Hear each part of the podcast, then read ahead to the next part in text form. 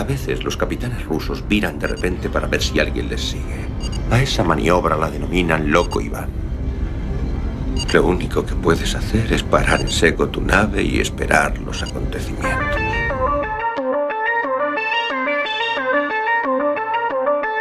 Yellowsphere 347 of Space Patrol calling unidentified ship. They're not answering.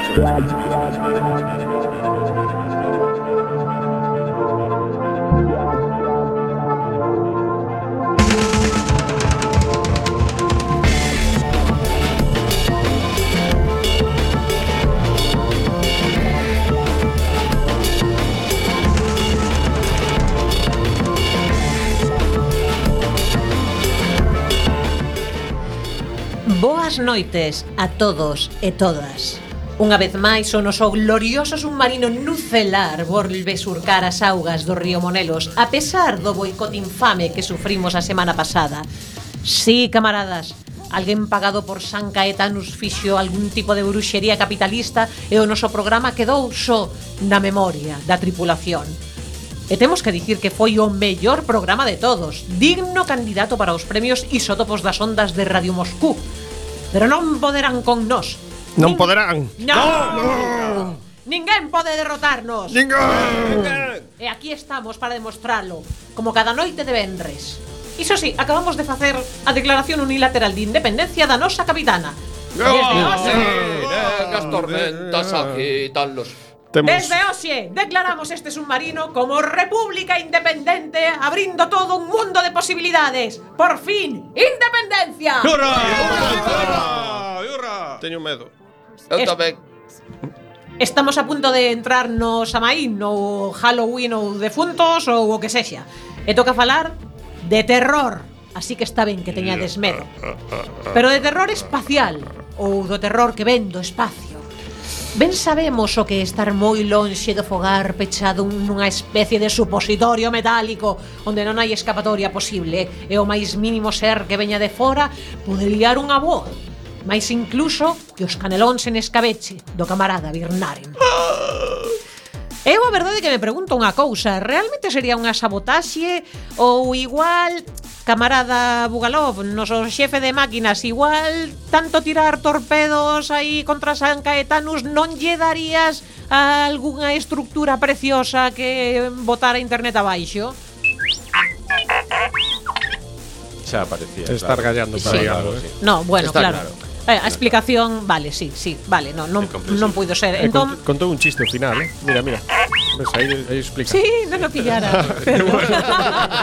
Está agudo, tío. Sí, sí, Son sí. Son destes sí. chistes que tardas en pillar. Sí, no, no, pero o, o que deixou ben claro que non foi ela. Así que, camarada Lamelov, noso xefe de torpedos, igual interferiu de algún xeito eh, ese, ese problema que temos coa porta da biblioteca que No, que, que interfire no, no. con todo. Esa a porta da biblioteca está perfectamente funcionando co seu chirrío habitual, non ten nada que ver. Eu penso que foi un sabotaxe maligno e capitalista. Uh -huh. Podría ser, podría ser. Igual tivo algo que ver o noso IMM favorito, o camarada Esmendrellev, que sei que colgou unha bandeira agora que está tan de moda na parte de fora do submarino. Creo que lembrar que era mm, mm dos...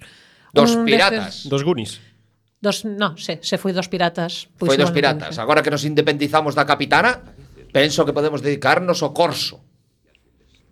O corso. Patente de Algo bar, vamos. Que culto é o camarada. Pois sí. mira, é unha posibilidade. Sí, sí, sí, no, e, e tampouco pudo ser a, a causa do noso problema da semana pasada. Pois entón só me queda o xefe de cociña camarada Birnarem, que só co pensar no menú do día seguinte parece que chama a catástrofe, igual foi por aí. Mm, para nada, capitana. Eu, o meu menú do día está sempre ben medido, con ingredientes eh, frescos da ría, de Muros, Noia e tamén de Vladivostok, que teremos aí algunha cousa e se mestura todo se e lle bota un pouco de plutonio, o normal, o de calquera menudo día. Pois entón non podemos máis que pensar que efectivamente foi sabotaxe. Pero non pasa nada, aquí continuamos no noso programa de Loco Iván Saudavos a usurpadora camarada Beosca Ula Lumova Isto é Loco Iván, comezamos!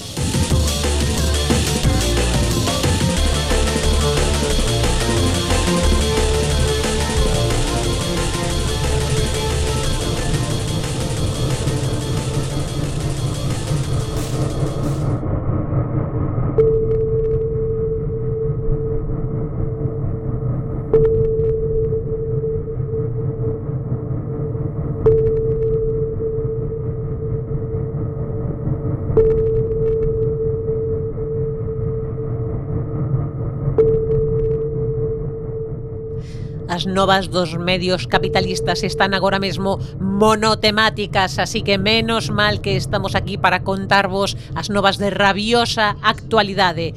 Arriba Periscopio.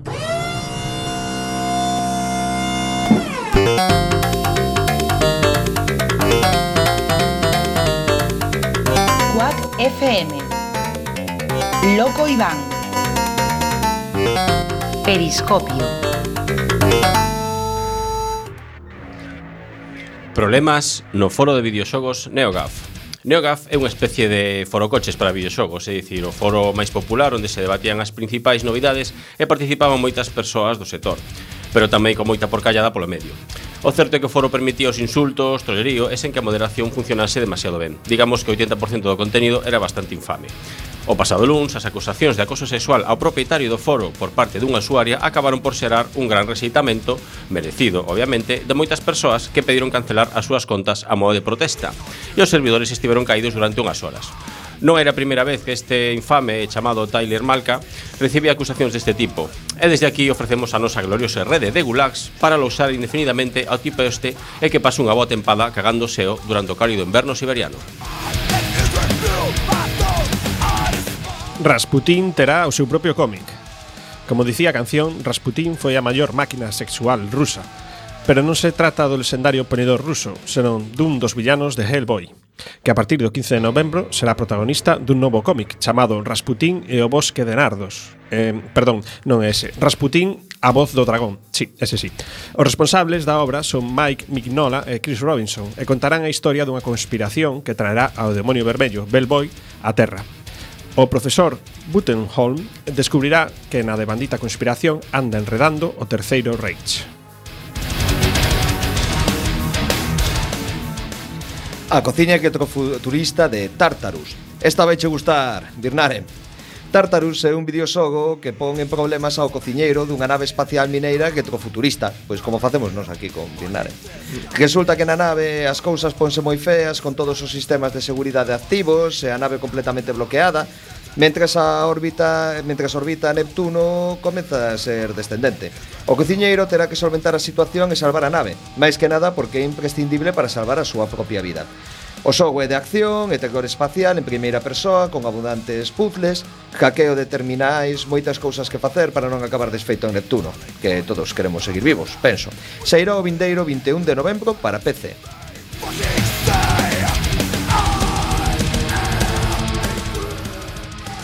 De terror falamos hoxe. Resulta que hai nova serie de terror en Netflix. Chamase Dark. É a primeira serie a Netflix Con produción completamente alemana. A serie céntrase no drama e misterio Da desaparición de dous xóvenes Tratando temas como a nostalgia E o terror psicolóxico. Comeza o 1 de decembro e terá 10 capítulos dunha hora de duración. Anda o vídeo de promoción polo Youtube soviético. E máis Netflix. Ademais de terror, chega unha nova serie de superheróis, The Punisher, o Castigador. A estrea será o 17 de novembro e a serie profundiza na orixe militar do Castigador, que é interpretado polo actor John Bernal, xunto coa actriz Deborah Ann Wall, que dá vida a Karen Page. Haberá unha praga de camisetas coa famosa calaveira castigadora, xa veredes. Manby Heard di que Mass Effect Andrómeda fracasou pola falta de diversidade. O videoxogo Mass Effect Andrómeda tivo unha saída problemática, que provocou a decepción de moitas persoas e areias da saga, o cal influiu negativamente nas vendas, que é o único importante nos sistemas capitalistas. O excomandante de BioWare, Manber Verheer, di que a falta de diversidade na dirección do proxecto eh, poido ter que ver co resultado. E que non é o único que o pensa. Outra boa xente dentro de BioWare eh, comentaron o mesmo.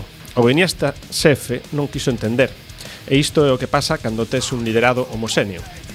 En Mass Effect Andrómeda todos os xefes eran homes brancos. Nada que ver con o submarino, onde a nosa xefa é unha muller zombi comunista. Hai que dicir que en xa fixo declaracións contra a supremacía blanca que non sentaron moi ben a supremacía blanca. En todo caso, Electronic Arts, a distribuidora e produtora, é un cagarro.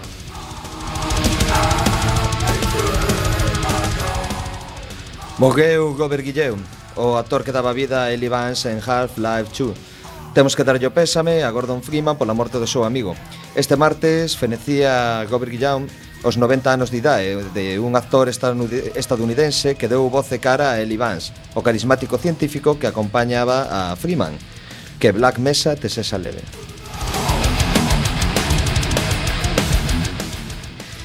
Aparecen rumores sobre Cyberpunk 2077. Comezan a aparecer rumores non confirmados sobre o novo videoxogo de rol de CD Projekt Red, o estudio creador da saga de Witcher, que se o mapa é enorme, que se terá unha especie de sala multixogo e cousas polo estilo. Os rumores danos igual. Seguramente se sean faltos, falsos.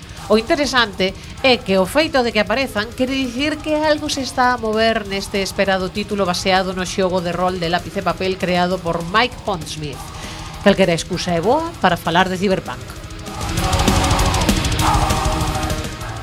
Xa hai data para o refrito de Outcast. Outcast Second Contact, a versión actualizada do inesquecible videoxogo de 1999, será o día 14 de novembro e non podemos facer outra cousa que recomendalo, sobre todo se non tiveches a sorte de xogar a original.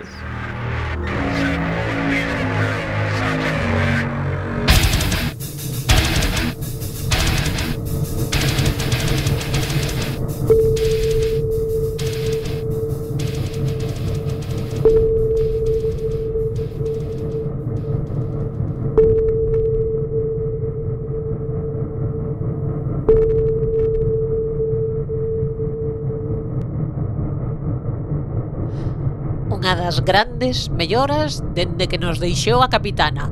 Oxe, a sala de radio emite, que non é pouco. Así que, camarada Bugalov, que é o que non ten que contar?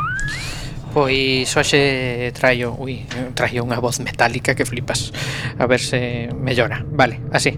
Eh, mm, Digo que eh, hoxe traio, xa que a cousa vai de terror espacial Unha banda de surf rock, que é o lóxico Cando to, to terror espacial, surf rock é o primeiro que se che pasa pola cabeza.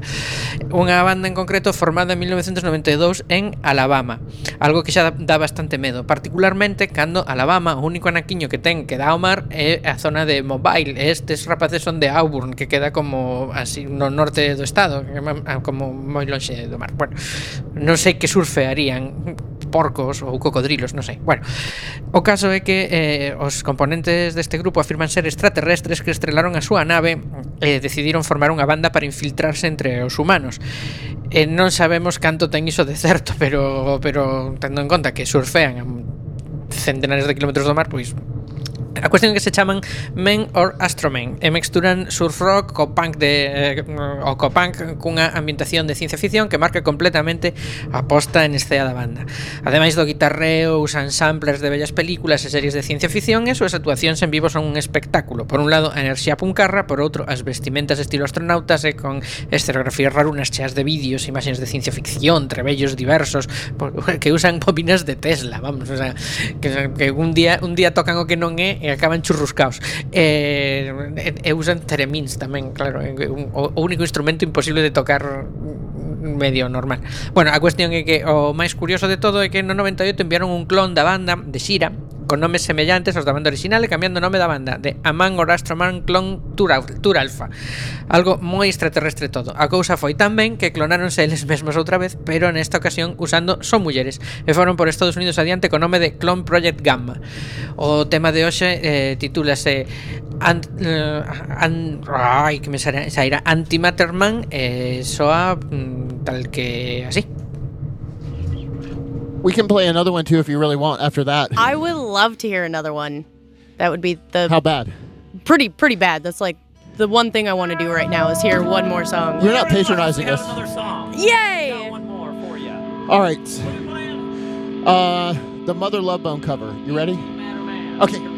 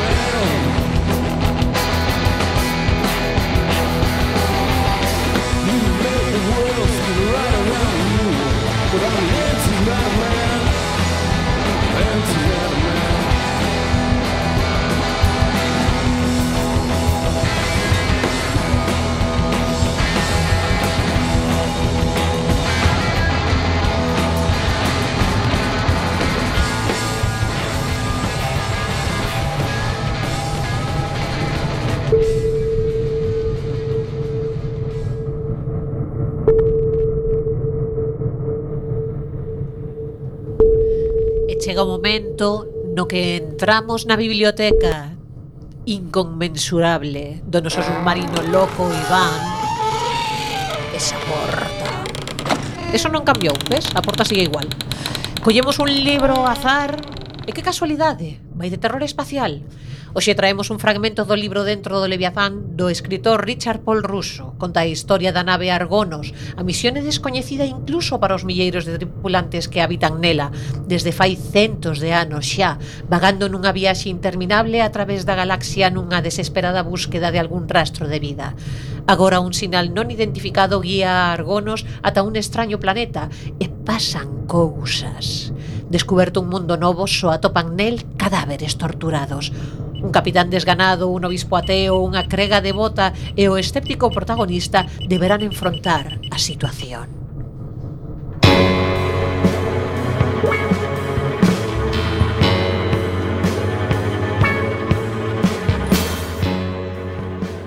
Cuando terminé solo se escuchaba un leve siseo de fondo y algún crujido ocasional del equipo de comunicación. No hubo preguntas ni peticiones de que aclarara nada. Por fin, después de varios minutos de incómodo silencio, Nikos habló. Tenemos que debatirlo aquí un poco más. Por ahora, sin embargo, creemos que no deberíais quedaros ahí. Proceded mañana hacia el próximo emplazamiento. Si se decide que es necesaria una mayor investigación, podéis volver. Tenemos que enterrarlos. Imposible. Tanta gente, ese terreno, es una pesadilla logística y os llevaría días, si no semanas. No, es imposible. Proseguid al próximo emplazamiento mañana. Pero los bebés, al menos dejadnos entrar a los bebés. Esos chiquillos, sus rostros. Por favor, déjanos entrar a los bebés. Hubo otra larga espera, varios minutos casi insoportables durante los que todos permanecimos en silencio y sin mirarnos. Cuando por fin terminó nuestra espera, la voz que oímos pertenecía al obispo. Sí, madre Verónica. Aunque el capitán no se muestra muy dispuesto, yo he insistido. Pueden enterrar a los bebés. Gracias, Eminencia. Hubo unos cuantos intercambios más, formalidades y luego desconectamos el enlace. Estábamos tan solos los cuatro en la aeronave, rodeados por la selva, la oscuridad y la muerte. Al día siguiente enterramos los esqueletos de los bebés, una tarea dantesca. No veo ninguna razón para contarla con detalles. Mientras limpiábamos una zona para abrir la tumba, Trude se volvió un poco loca. Amplió el haz de su quemador de piedras y lo puso a toda potencia. Luego empezó a abrirse camino por la vegetación que rodeaba aquella zona quemando mucho más de lo necesario, levantando nubes de un humo negro y asfixiante que tardó horas en disiparse. Nadie intentó detenerla, nadie intentó calmarla. Aquella noche me senté con la madre Verónica fuera de la aeronave, delante de una hoguera que había encendido con uno de los quemadores de piedra. No hablábamos ninguno de los dos. La luz del fuego no iluminaba demasiado ni la selva ni la noche, y a pesar de las llamas naranjas que no dejaban de crujir, yo tenía la sensación de que ambas se nos echaba encima y de que no había forma de escapar. Al amanecer nos fuimos rumbo al siguiente emplazamiento. Me alegraba de dejar todo aquello atrás, pero también tenía miedo de lo que íbamos a encontrar. Volamos hacia el norte del continente y superamos las selvas llenas de humedad. Cerca de un lago de alta montaña encontramos una única vivienda rodeada por una zanja redonda llena de agua. Los restos podridos de una tosca batea estaban esparcidos entre la vivienda y la orilla del lago. El ambiente era frío y olía a limpio de una forma casi dolorosa. Con los troncos caídos de los bosques cercanos hicimos un puente para cruzar la zanja. La vivienda consistía en una única habitación con muebles de madera hechos a manos, estante con platos, tazas y utensilios, cacerolas y un insólito aparato que sospechamos era una cocina. En la cama, bajo los restos raídos de una manta, encontramos el esqueleto de un hombre que me gustaría pensar que había muerto en paz mientras dormía. Todo estaba tranquilo, en calma, no había señales de violencia ni de locura. Había una sensación de alivio casi palpable, aunque nadie lo expresó en voz alta. Enterramos sus restos al lado de la vivienda y volvimos a la aeronave. Después de la puesta de sol y de haber comido algo, recibimos una transmisión del Consejo Ejecutivo. Por fin había tomado una decisión. Es innegable que aquí ha pasado algo extraño, pero ocurrió en el pasado. En el fondo no tiene ninguna relevancia para nuestra misión. Aquí no hay nada para nosotros, así que es el momento de irnos. El discurso de un político con poco más contenido que la transmisión que nos había traído aquí. Nos ordenaron que anuláramos nuestro viaje al último emplazamiento y que emprendiéramos el camino de vuelta a la lanzadera con las primeras luces del día. Luego despegaríamos al día siguiente para reunirnos con el Argonos. La nave permanecería en la órbita varios días más para permitir que las cosechadoras maximizaran nuestros almacenes, para a continuación poner rumbo a alguna estrella dejada de la mano de Dios, a algún otro mundo desolado. La madre Verónica empezó a protestar, pero el obispo la cortó de inmediato. Afirmó que aquella era también la posición que había adoptado la Iglesia después de mucho meditarlo y que no habría más debates. Comprendí que estaba enfadada, pero no dijo nada más. Cuando terminó la conversación y se cerró el enlace, la madre Verónica y yo fuimos a dar un paseo por el lago. Llevábamos caminando 10 o 15 minutos. Cuando se detuvo, se volvió hacia mí y dijo enfadada. No puedo creer que nos estén ordenando que volvamos a Argonos. Les debemos a esta gente mucho más. ¿Qué quieres decir? Deberíamos quedarnos y hacer un esfuerzo real por entender lo que les ha pasado. Aquí ocurrió algo terrible. En este planeta hay más muertos, en lugares que no hemos visto todavía, estoy casi segura. Dejadlo atrás, como si estas personas no hubiesen existido jamás. Les debemos algo más que eso, les debemos algo más que un simple entierro parcial. Eso no va a pasar. Ya los has oído, la forma en que lo dijeron. No quieren quedarse aquí más tiempo del necesario. ¿Por qué? Es que tenemos prisa por ir a algún otro sitio. Aquí no hay nada que no pueda esperar unas cuantas semanas o incluso meses. Llevamos todos estos años vagando sin rumbo. Aquí hemos encontrado algo real. Debíamos, deberíamos quedarnos, no irnos. Es probable que todo esto los asuste. A mí me asusta. No quieren saber lo que pasó. Y como aquí no queda nadie vivo, se resistirán a todos los argumentos, a todas las protestas. Eso ya lo sé. Pero ¿qué pasa aquí con todas esas personas de la nave que querrían quedarse aquí? Con aquellos a los que les gustaría establecer sus propios asentamientos, comenzar una nueva vida, que quizá estarían dispuestos a invertir tiempo y esfuerzo para ofrecerles a los muertos el respeto que merecen e intentar averiguar qué pasó. Quizá estuvieran todos demasiado asustados. Es posible que nadie quisiera quedarse. No seas hipócrita, Bartolomeo. Los dos sabemos que hay mucha gente en Argonos que daría cualquier cosa por poder hacerlo. Me pregunté otra vez de qué me estaba hablando. ¿Me estaba diciendo que conocía lo de la insurrección? No sabría decirlo. Y dije, pueden presentar la solicitud ante el Consejo Ejecutivo o ante el Comité de Planificación, si eso es lo que quieren. Cualquiera puede hacerlo. Todo el mundo sabe que saldría en la votación. Eh, los inferiores no pueden votar. El Argonos está dirigido por un- una oligarquía y la solicitud sería rechazada. Ya lo sabes, Bartolomeo. Eh, Es un sistema injusto y eso también lo sabes. Se les debería permitir quedarse a los que quisieran hacerlo. Si Dios puede concederles a los hombres el libre albedrío, la capacidad, la libertad y la responsabilidad de tomar sus propias decisiones sobre sus vidas, lo menos que podrían hacer las personas que tienen autoridad en esta nave es concederles lo mismo a otros seres humanos como ellos. Yo tenía mis propias ideas, ideas del escéptico que soy sobre Dios y el libre albedrío, pero esa era una discusión para otro momento. La idea de que los seres humanos que ostentaban el poder actuaran por algo que no fuera su propio interés, sin embargo, me parecía absurda. ¿No estás siendo un poco ingenua? Pregunté. No, Bartolomeo, sé cuál es la realidad. Solo estoy expresando lo que creo que debería ser, lo que creo correcto. Sé cuál es la diferencia y me entristece. Y con eso continuó paseando y yo seguía a su lado. No hablamos, pero yo era incapaz de dejar de pensar y me di cuenta de que había empezado a plantearme mis sentimientos sobre el motín. Las palabras de la madre Verónica resonaban en mi interior y no podía quitarme de encima la sensación de que aquella mujer tenía razón. Y no era la primera vez que pensaba que, por muchas razones, era una mujer admirable.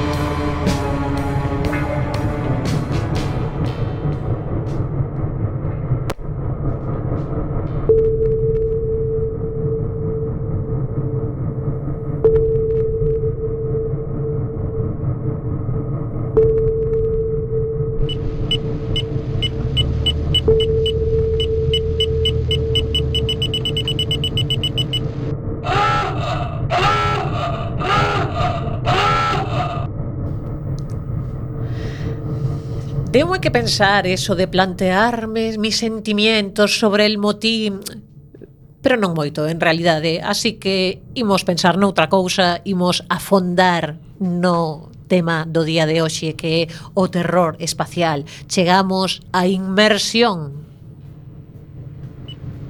Ah, ah, ah!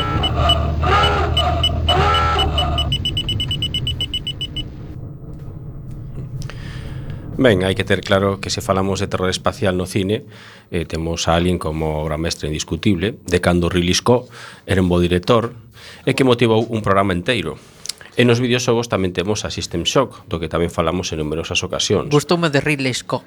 Ridley Scott. Ridley Scott. Ridley Scott. Scott. É a pronuncia sao, eh, rusa, sabedes que é a correcta.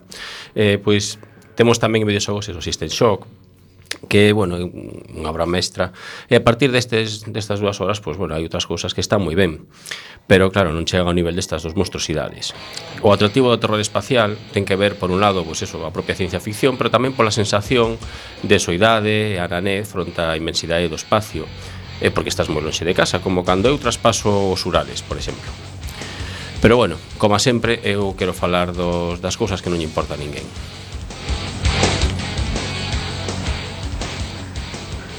Buenos días, Morgan. Hoy es lunes 15 de marzo de 2032.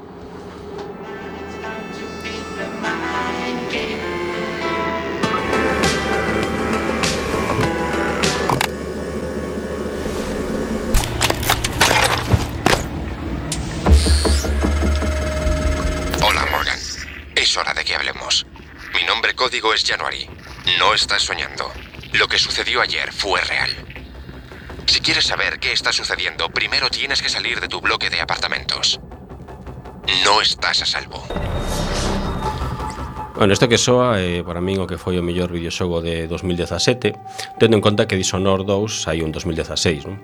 E tamén é un mellores dos, dos videoxogos dos últimos, dos últimos tempos e Prey de Arkane Studios un dos chamados simuladores de inmersión cun diseño Moi propio artístico. nun submarino. Efectivamente. Realmente, bueno, é como se estiveses dentro de un submarino, pero moi grande. Eh, o diseño artístico que eh, sempre a, bueno, pues acompaña os xogos de, de Arcane é eh, pois pues eso, de, de outra galaxia é eh, do mellor que, que se pode facer no, no mundo dos videoxogos non? Arcane Studios precisamente é unha compañía que mantén o espírito eso da, de outra compañía legendaria como Looking Glass E de feito, sempre tomaron para este videoxogo como referencia ao System Shock de que xa falaba antes, non? Ainda que tamén ten algunhas cousas de, de Half-Life. A historia desenvolvese na estación espacial Talos 1, onde o protagonista terá que sobrevivir pois, para averiguar como acabar cos Typhon, unha especie extraterrestre con capacidades de mutación e de abducción que fan que sexan un tanto incómodas. Por exemplo, poden facer que estoupa a cabeza dunha, dunha persoa, e claro, tes que gastar moito en, en ibuprofeno. Ten elementos de acción, de sisilo, pois de rol. Eh, toma unha historia distópica que ten como trasfondo pois un pulso dado á carreira espacial por Kennedy despois dun atentado fallido contra a súa vida. Durante seis anos descubre unha especie extraterrestre no Sputnik e Estados Unidos e a URSS pois, fan unha misión conxunta para investigar esta especie alienígena ou máis ben pois, combatela, claro, porque eran un pouco desagradables, como xa contei. Eh, crea unha estación espacial chamada chamada Cleta, que en ruso significa gaiola Bueno, no ano 91 cae a URSS, lembremos que isto é unha distopía, que obviamente non, non é real, Entón, Estados Unidos asume o control do proxecto e reutiliza a Cleta como parte pois, do proxecto Acción para investigar os Typhoon e capturar os vivos. Pero bueno, todas as cousas que fai Estados Unidos pois, non están ben feitas e despois da morte de varias persoas en Cleta o proxecto queda medio abandonado cos Typhoon vivos e soltos pola Estación Espacial Adiante que, bueno, é todo unha seguridade total. Anos despois, no 2025, mercan a Cleta e a converte na Talos One para estudiar os Typhoon e utilizar os resultados para avances en neurociencia. En fin, que este videoxogo, eh, toda mecánica, toda ambientación que ten, é para min un imprescindible. Soy yo. Ojalá pudiera hablar contigo. Lo siento. Lo siento por todo. Ojalá pudiera hablar con alguien. Aquí todo eso.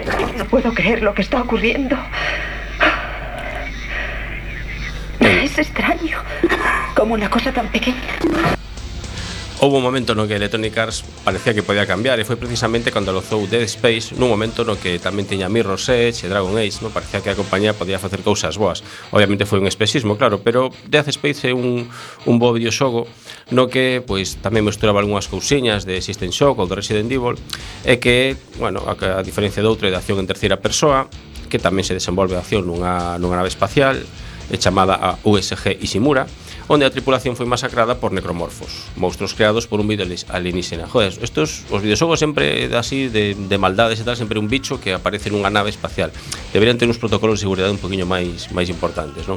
O certo que o videoxogo está moi ben ambientado, é máis ben de pegar tiros, anda con algunhas modificacións, abusa quizáis demasiado do susto, en vez de o medo, así a sensación do terror psicolóxico, pero é bastante recomendable tamén. This isn't my ship. You have no idea how much mercy I have. Cut his wrists. The morals of men don't apply to gods. This is torture. This is Science. It's moving in there. It's alive. God forgive us. Get out of there now! Kill me! Take me! Fire cleanses. I'm gonna make sure you 呃呃呃主播救了你好 Ben, a marea dos videoxogos e terror, sobre todo se acabo de falar, pois son en 3D, en primeira persoa ou en terceira neste caso, pero este caso é un survival horror, pero eh, de aventura eh, en perspectiva isométrica, é dicir, o típico point and click, de pillar co, co ratón e facer cousiñas, non? Publicou na de Brotherhood eh, no ano 2015, eh, despois dun, bueno, pois un, pro, un proceso de crowdfunding que tivo bastante éxito. Na historia de John Marrakech, que experta de estasis, é dicir, de, bueno, desa especie de crioxenización de cando estás nunha vía selonga espacial, e ten que que descubrir que pasou coa súa muller desaparecida antes de que a nave entre nas nubes de metano de Neptuno. Terror psicolóxico, ciencia ficción e moitos problemas para resolver neste videoxogo. É moi parecido, ou polo menos ten similitudes, coa película Horizonte Final e tamén co videoxogo Sanitario, xa dai uns cantos anos.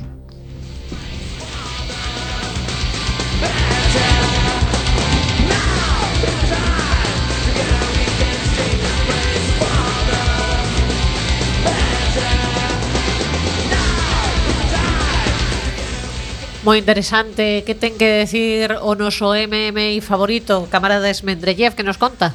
Bueno, pois nada máis comentar que aínda que non hai nada non existe un xénero de terror espacial como tal, non? Pero sí penso que hai varias obras que caen nesta denominación e penso que ese tipo de terror ten a súa raíz nalgo moito máis bello, que son as novelas de, de marinería, non? que teñen moitos paralelismos, a que as condicións de aventuras que nagan pois son dun grupo de persoas nun entorno pecho, hostil, e gustaríame se, se me queres axudar, nova capitana, a dar un exemplo. Cuando todos nos subimos tranquilizados, nos pusimos a mirar la nave que se alejaba hasta que se perdió de vista. El tiempo empeoraba y soplaba un ligero viento.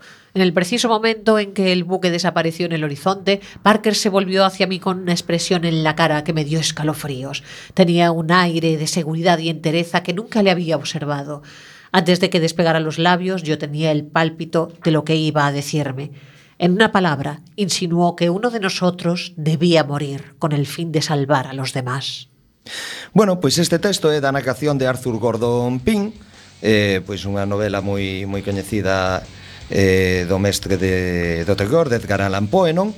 E bueno, pois fala dun horror que moitas veces se ten un naufragios, que cando se acaba a comida anda un por aí tirado, o primeiro terror, non, de que existe é ter que facer, pois neste caso algo horrible, que é grifar e comer un compañeiro.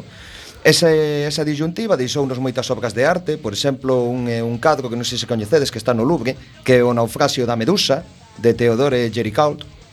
Eh, Sóame, é o que vexo todas as mañas no espello cando me levanto. Pois vai a susto, capitana, bueno. porque ali empezaron a comerse as 72 horas. Moito... De, feito, de feito, o nome do cadro é A Balsa da Medusa. A Balsa da Medusa. Sí. Pues, non confundir con aquí. outro naufraxio, Igual... que o naufraxio da esperanza entre os xeos que tamén anda por ali.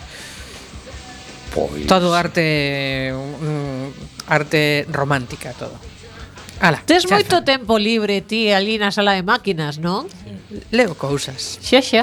É que no visualiza cousas. Outra cosa non, pero tempo, vamos.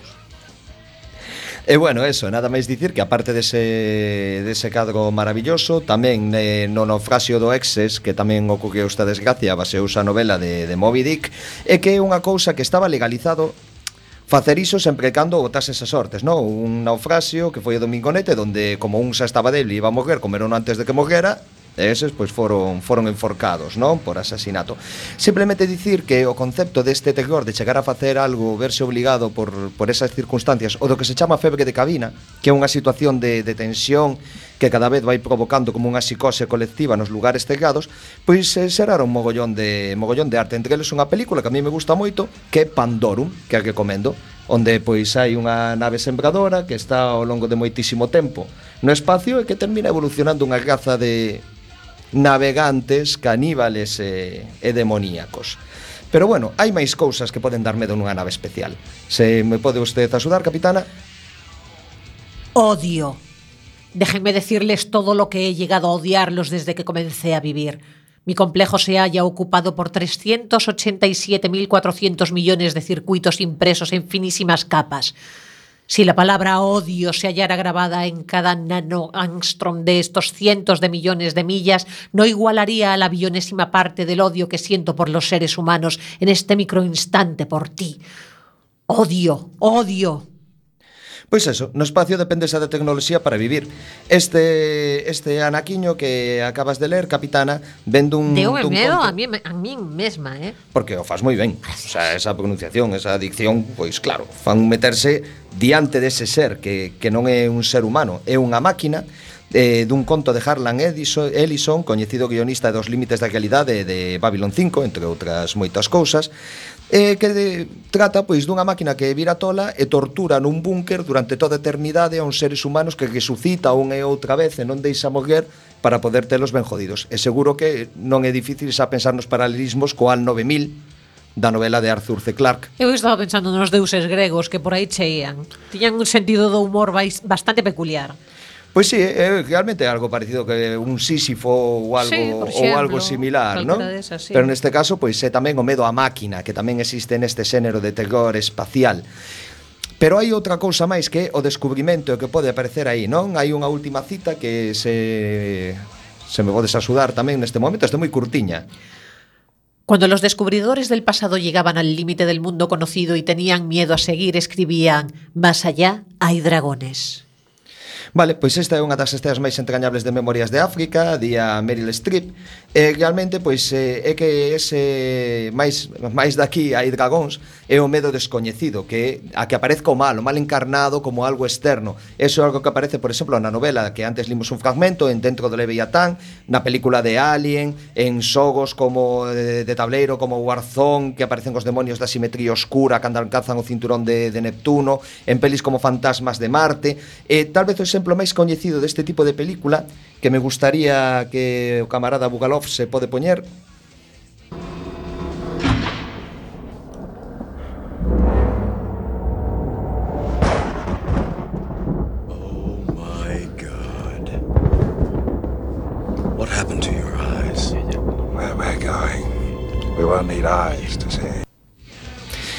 E bueno, é que isto é dunha película que se chame Ben Horizon Que creo que lle gusta bastante o camarada Birnaren Sí, a verdade é que, bueno, máis que me gusta, me disgusta cada vez que a vexo Porque, bueno, é bastante terrible todos os sucesos que que pasa en esa nave. Empeza así como muy tétrica y tal, pero bueno, cada vez vai dando unha volta de torca a todos esos sucesos. Eh, por momentos me parece que beso a camarada Lamelov en diante miña, en un espello, non sei si, si eres ti en realidade Lamelov ou É no. posible que se saiu.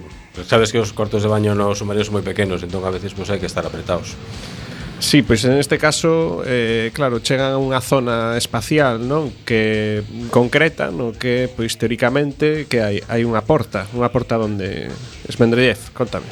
Bueno, en teoría o horizonte de sucesos eh, Supónse que, bueno, o horizonte de eventos É unha fronteira espacio-temporal No cal podese comunicar só nunha dirección Non é moito máis que decir É a porta ao inferno Sí, e ah, claro, sitio ese. Eh, ben, eh, claro, como é a Porta do Inferno, pois a veces entra xente aí e se queda e entonces non é moi agradable. Eu coñezo bares moi parecidos, eso. Algún hai. Bueno, o caso que a peli eh, realmente está moi ben feita e recomendamos eh, ver a, a todo o mundo. Pero continuamos aos pequenos da casa. Sí, os pequenos terán oportunidade. Vamos a, a, a retroceder no, no tempo, no espacio-tempo, non, non abrir un, un, un oco no, no inferno con pois a miña primeira parte que é un xogo de ZX Spectrum.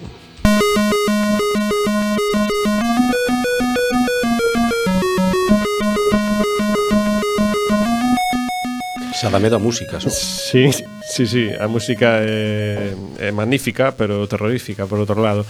Eh, realmente os Sons de Spectrum o que, coñe, o que conseguían, pois eh, con esta economía de medios eh, básicos e primarios que tiñan tanto en música como en e como encores, e, eh, etcétera, pois que, bueno, que en certo modo creara unha certa ambientación tétrica, no? con, con moito negro e, e este tipo de músicas extrañas que había aquí. En este caso era o xogo do, do Alien 8, que é un xogo en perspectiva isométrica na que manexamos un pequeno robot chamado Cibot, encargado de visiar unha nave que mantén en vida pois a unha pobre civilización que está criosenizada aí, non? Entonces, bueno, ten que superar diferentes perigos. Tamén está soando pois eh, outro xogo que se chama Trantor que, que, bueno, que pasaron aquí unhas pequenas desgracias porque é un soldado que participou nunha guerra interestelar e durante esa guerra pois matou por erro a un bebé co seu lanzachamas. Eh, bueno, a súa mente trastornada, eh, pois vaga, digamos que pola, pola galaxia e por diferentes lugares intenta recoller a súa alma mentres combate con diferentes enemigos creados pola súa propia psicosis, non? Un xogo así como moi moi vistoso e moi moi optimista. Ainda que hai que decir que o máis terrorífico dos xogos de Spectrum era que normalmente só tiñas tres vidas. Eso ah. sí que era andar cajao. Si, sí, ás veces casi as perdías en dous segundos. E non podías gravar non podías gravar e a veces no. incluso se te fastidiaba só unha metade tiñas que volver a cargar. Sí, sí. Eh, tardabas cinco minutos por lo menos en ah, cargalo. Con cintas de cassette, sí. Sí, Así saímos de soviéticos. Sí. Eu en momentos de necesidade teño teño posto un fixo a, a unha cinta original de música de non sei que grupo para poder gravar un xogo de Spectrum en riba, o sea que mm. imaginadeos. De bueno, e tamén está soando aquí os disparos do Jetpack, que é un xogo de Ultimate no que manexamos a un astronauta chamado Jetman, que, bueno, que ten un foguete espacial no que ten que ir pasando de un, de un espacio de, de un planeta a outro, non? E ten diferentes enemigos. Bueno, pasamos ao seguinte que tamén é bastante interesante.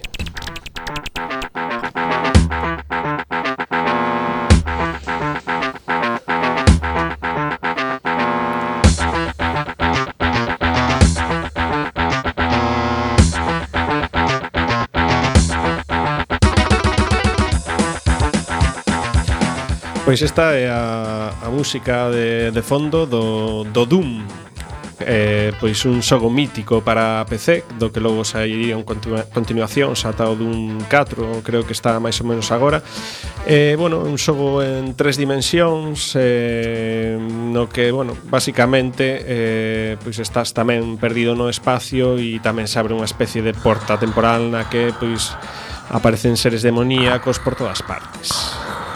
Entonces ti vas simplemente pois con diferentes armas destructivas eh, perseguido por esos seres demoníacos que simplemente queren acabar contigo e, eh, e van acabando coa túa coa túa vida. Eh, tes que destrozalos, esnaquizalos eh, en, en mil pedazos Eh, bueno, eh, é un xogo que que continúa pois eh, outro tipo de xogos que iniciaron como pois eh, Wolfenstein 3D e bueno, a, agora mesmo este tipo de xogos en, en, en perspectiva, en primeira persoa pois siguen dando moitísima guerra e son dos máis queridos polos aficionados.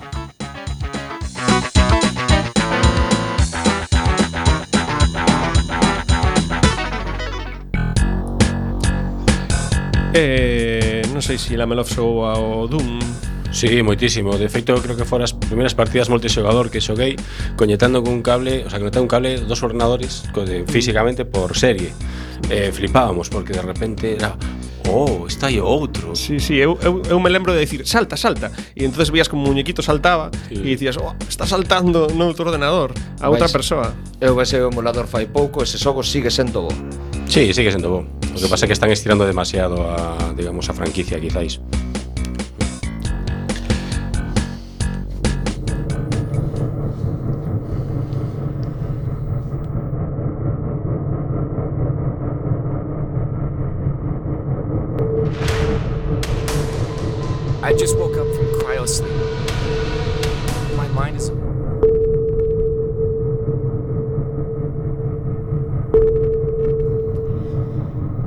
continuamos no submarino loco Iván en Cuac FM e chegou o momento de abrir a nosa escotilla para recibir a unha invitada moi especial. Abre, abre de todo que pase. Pasa Carmen, Carmen de Nébola. Pasas ben pola escotilla. Aquí estou, aquí estou. Moi ben, Carmen, vicepresidenta da Asociación Astronómica IO. Mira, Carmen, eh, quixemos que miñeras ao noso submarino porque hoxe estamos falando de terror espacial, de todo tipo de películas, eh, de videoxogos, eh, de literatura que falan diso. Entón precisábamos a unha experta que nos contase se xa é o espacio dende o teu punto de vista que é o máis terrorífico que imos atopar ui, é terrorífico. Pois, eh, non, non sei, eh, eu penso que a maioría dos que nos gusta mirar as estrelas, terror non é o que nos provocan, non? Entón, bueno, pois, pois non sei, máis ben todo o contrario, son os desexos de saber máis, se cadra esa, esa curiosidade ou esas incertezas poden ser o máis terrorífico que hai. Uh -huh. Mira, eh, bueno, son camarada Lamelov, eh, teña curiosidade, as vos estades, bueno, precisamente observando o ceo. Eh, a que sitios ides para poder observar o ceo? Porque cando miro dende a Coruña para o ceo, pois pues, eh, apenas vexo nada, porque a luz non me deixa ver. Pois eh, a verdade é que temos un, un problema moi moi grande de, de contaminación luminosa bueno, non só na nosa cidade, en xeral en todo, toda a costa atlántica, en toda a península. Eh, nos o que soemos o sitio por cercanía ao que soemos salir e ir ata Gaitiriz, que aínda en liña recta son uns 30 40 km, aínda se, se percibe o halo de luz da, da Coruña, pero xa ali temos un, un ceo, digamos, decente, sin ir moi longe. Pero se si queremos ir ao, ao mellor ceo de, de Galicia, entón hai que ir a Veiga, hai que ir a Ourense que é un poquinho lonxe lonxe de aquí. eh, que, que hai que facer para poder ir con vos, para, bueno, pues para, para poder observar o ceo? Hai que mercar algún tipo de telescopio ou Non. non, a ver, nós sempre recomendamos con respecto a este último telescopio que, que non a primeira, si queres empezar a, a coñecer as estrelas, se queres empezar a sair a observar, o primeiro que tens que facer non é comprar un telescopio, non? Porque, porque entre outras cousas, o telescopio que necesitas vai depender eh, do tipo de observador que ti sexas, do ceo que vas a saber observar, etc. etc non? Nos, eh, nese sentido, pues, estamos totalmente, temos algunhas actividades que son solo para socios, pero temos outras outras moitas actividades que están abertas ao público. Por exemplo, este este sábado eh temos unha actividade en en María Pita eh que celebramos por, por unha banda o Día Internacional de Observación da Lúa, eh ademais pois que estamos no 15 aniversario da agrupación, entón vamos a plantar na na Plaza de María Pita 15 telescopios para para ver a lúa, non? eh, pues esta é unha actividade aberta, pois simplemente calquera persoa que este interesada, po, con pasar entre as 8 e as 2 da noite pola Praza María Pita, pois xa pode, pode participar. Eh, a maior parte das actividades que facemos pois colganse nas nosas redes sociais, en Facebook, no Twitter ou na nosa página web, e eh, as persoas pois, accedendo a esas canles pois, poden ver o que, o que facemos nos próximos días. Eh, que tal? Eh, son Birnadem. Eh, quería pois, facer a, a, a fío do que do que estás dicindo, non? É realmente eh, o tema de comprarse un periscopio eh para alguén un periscopio, non, non. Periscopio, no, periscopio no, aquí. Periscopio, un periscopio, perdón. Xa se me vai. É que aquí estamos debaixo do mar, claro. Claro, claro, claro eu claro. vexo beso periscopios. Eh, a hora de comprar un, un telescopio eh, sería eh, por unha persoa non experta así de primeira sería como a hora de comprarse unha bici, que vas a Carrefour e compras unha bici e o primeiro que che di un experto, non, en Carrefour non, non se compra unha bici, hai que comprar algo un pouco decente, adaptado ao que ao que ti necesitas. Sí, pues eh, digamos que un pouco eh, eh, un pouco así, semellante, non? Pois pues a mellor eh, para empezar hai que ir a unha tenda especializada, non, non se pode comprar en calquera sitio, pero é que ademais moitas veces, se si nós non temos ningún coñecemento, incluso unha persona experta eh, non ten doado aconsellarnos e facernos ningunha recomendación porque nós somos os primeiros que non sabemos o que necesitamos e o que queremos, non? E a medida que sí temos algún coñecemento, eh, podemos empezar a saber por onde andamos ou que o que nos pode interesar, entón é cando as persoas que, que xa pois, teñen maior experticia, pois nos poden axudar, non? A decir, mira, pois para que isto que me estás falando, recomendaríache pois, este tipo de telescopios, etc, etc, non? Porque digamos que os telescopios son diferentes, hai uns que son eh, máis adecuados para ver o ceo profundo, outros a mellor para ver planetas, etc. Entón, depende se si vas a estar observando sempre dende a cidade ou vas a estar observando dende ceos realmente vos, pois xa vas a querer un tipo de telescopio ou outro, depende dos cartos que queras investir, pois vas a querer un telescopio ou outro, non? Eu nese sentido, pois recomendo sempre achegarse á asociación eh, astronómica que teñan máis preto e, e probar coa xente, cos telescopios que ten a xente, que a maior parte das asociacións aquí en Galicia están abertas a que, a que veña xente de fora, proben, miren o que lles gusta, e a base de ir probando e, e ir vendo por distintos telescopios e, en diferentes saídas, pois é, é un como acaba de identificar que é o que necesita, que é o que quere. Bueno, pois eu quería che facer unha, unha pregunta, non sei se a caída, porque é unha pregunta que non sei se ten máis que ver o mellor ca, ca física, ca astronomía. Falábamos antes dunha película que se chama Event Horizon, non sei se che sona, que é así de, de tecor especial, que en no. astronomía... Perdón, Non, non me soa a película. bueno, pero o mellor sí que nos podes dicir que é realmente un horizonte de eventos en astronomía. Eu, eso non o sei. no, a ver, eu, si me imagino que estamos falando dun burato negro, que me imagino que vai por aí a Por aí vai, por aí vai. Pois eh, eh, digamos que os, os buratos negros teñen un punto eh, o que son é que que non unha vez a luz entra dentro deles, pois non a deixan volver sair, non? E digamos ese horizonte de sucesos é a partir de cando pois eh, digamos entraría no burato, non? A partir dese momento pois a luz xa non pode volver a escapar pola atracción gravitacional.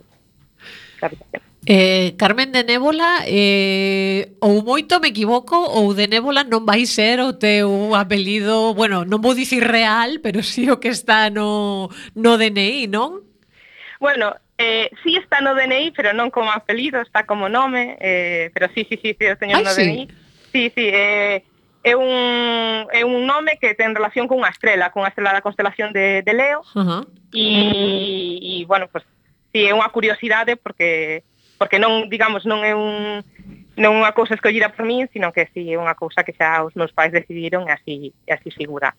Ah, e daquelas viñeron estes lodos, non? Que se... Sí, sí, sí, como se dicir. Xa non podías facer outra cousa. Non, tiña que ir por aquí a cousa. Uh -huh. Eh, moi ben, pois non sei se alguén máis da tripulación quere facer algunha outra pregunta. Si, sí, unha, sí. unha, Dámelo. pequena, unha pequena preguntiña. Bueno, hai uns días, bueno, uns días, creo que semanas ou así, eh, eh pasou e se podía observar a simple vista eh, a, a Estación Espacial Internacional que, sí. bueno, que precisamente sei que estamos falando aquí de, pues, de naves espaciais e eso, pois pues, é o máis parecido que temos. Como se pode facer o seguimento para saber que días pode pasar e se pode observar eh, pues, aquí dende Galiza, pues, eh, así a simple vista ou, bueno, cun pequeno prismático ou catalexo ou algo así? Pues eh, hai varias, varias aplicacións, en realidad si, si calquera no seu móvil va ao, a um, plataforma que utiliza habitualmente para buscar aplicacións, eh, eh, buscas por ISS, pues xa te aparecerá un montón delas. Nos as que sabemos utilizar eh, é a de Haven Sabou, eh, eh, que, que realmente pois aí entras, eh, pos a túa localización como se si fora un Google Maps, non?